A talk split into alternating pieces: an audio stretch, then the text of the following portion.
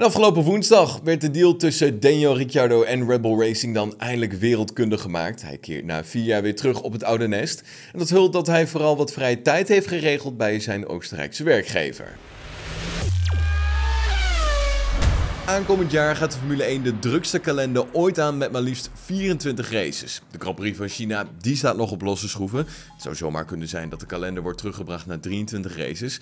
Maar Daniel Ricciardo, die als derde rijder voor Red Bull Racing zal fungeren, hoeft niet bij al die raceweekenden aanwezig te zijn. Dat is voor hem heel belangrijk, zo laat hij weten tegenover Sky Sports. Ik zal niet bij al die 24 races aanwezig zijn, anders kan ik net zo goed op de grid staan. Ik heb duidelijk gemaakt dat ik vrije tijd nodig had.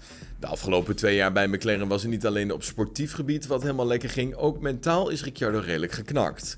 Het heeft me verslagen de afgelopen jaren en daarom wil ik even wat tijd weg zijn. Ik wil een deel van mezelf terugvinden en opnieuw opbouwen. En als dat niet lukt, dan kun je makkelijk boos en verbitterd zijn en negatieve emoties hebben voor iets waar je eigenlijk van houdt. Al dus Daniel Ricciardo.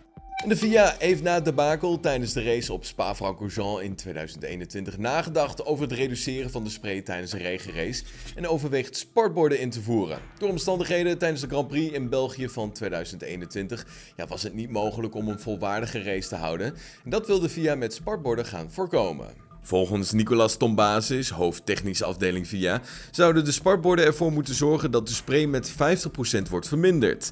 Aangezien het om een onderdeel gaat dat niet standaard op de auto zal zitten, kan het alleen tijdens een rode vlag of voor een sessie worden gemonteerd. We denken alleen dat het iets zal zijn dat hopelijk een paar keer per jaar gebruikt wordt. Misschien slechts drie keer. We willen niet dat het elke keer gebruikt wordt als er een druppeltje regen valt. Maar we zijn gewoon erg bezorgd dat we uiteindelijk niet kunnen racen. Spa 2021 heeft toch littekens achtergelaten in deze sport omdat het zeer ongelukkige omstandigheden waren. Zo laat hij weten bij de race. Maar goed, wanneer deze spartborden worden geïntroduceerd, dat is nog onduidelijk. We gaan kijken of het ons lukt om misschien een pakket klaar te hebben voor de tweede helft van het seizoen volgend jaar, wanneer je potentiële natte sessies hebt. We hebben nog geen limiet gesteld, maar 2024 zou ik zeggen dat ik er vrij zeker van ben dat het er zal zijn. Al dus, Tom Basis. Het Italiaanse Pirelli zal tussen december en februari zes testsessies gaan houden waarbij droogweerbanden, maar ook de regenbanden worden getest.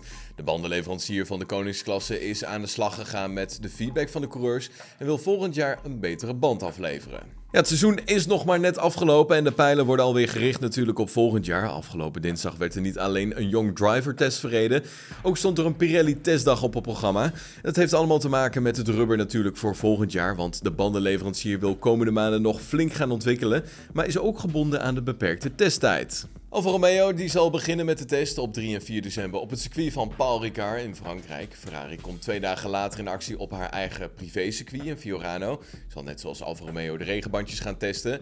Alfa Tauri gaat in Portimao in het zuiden van Portugal voor twee testdagen. Ditmaal gaat het dan om de droogweerbanden. Na een korte pauze na de vakantie zal Mercedes op 1 en 2 februari op Paul Ricard de baan opgaan om verder te werken aan de droogweerbanden. Terwijl Alfa Tauri het van 3 tot en met 4 februari overneemt en zich deze keer zal gaan richten op de regenbanden. Aston Martin en Mercedes keren terug voor de laatste twee testdagen. Beide teams gaan op 7 en 8 februari naar het circuit van Jerez in Zuid-Spanje voor de laatste test op de slicks.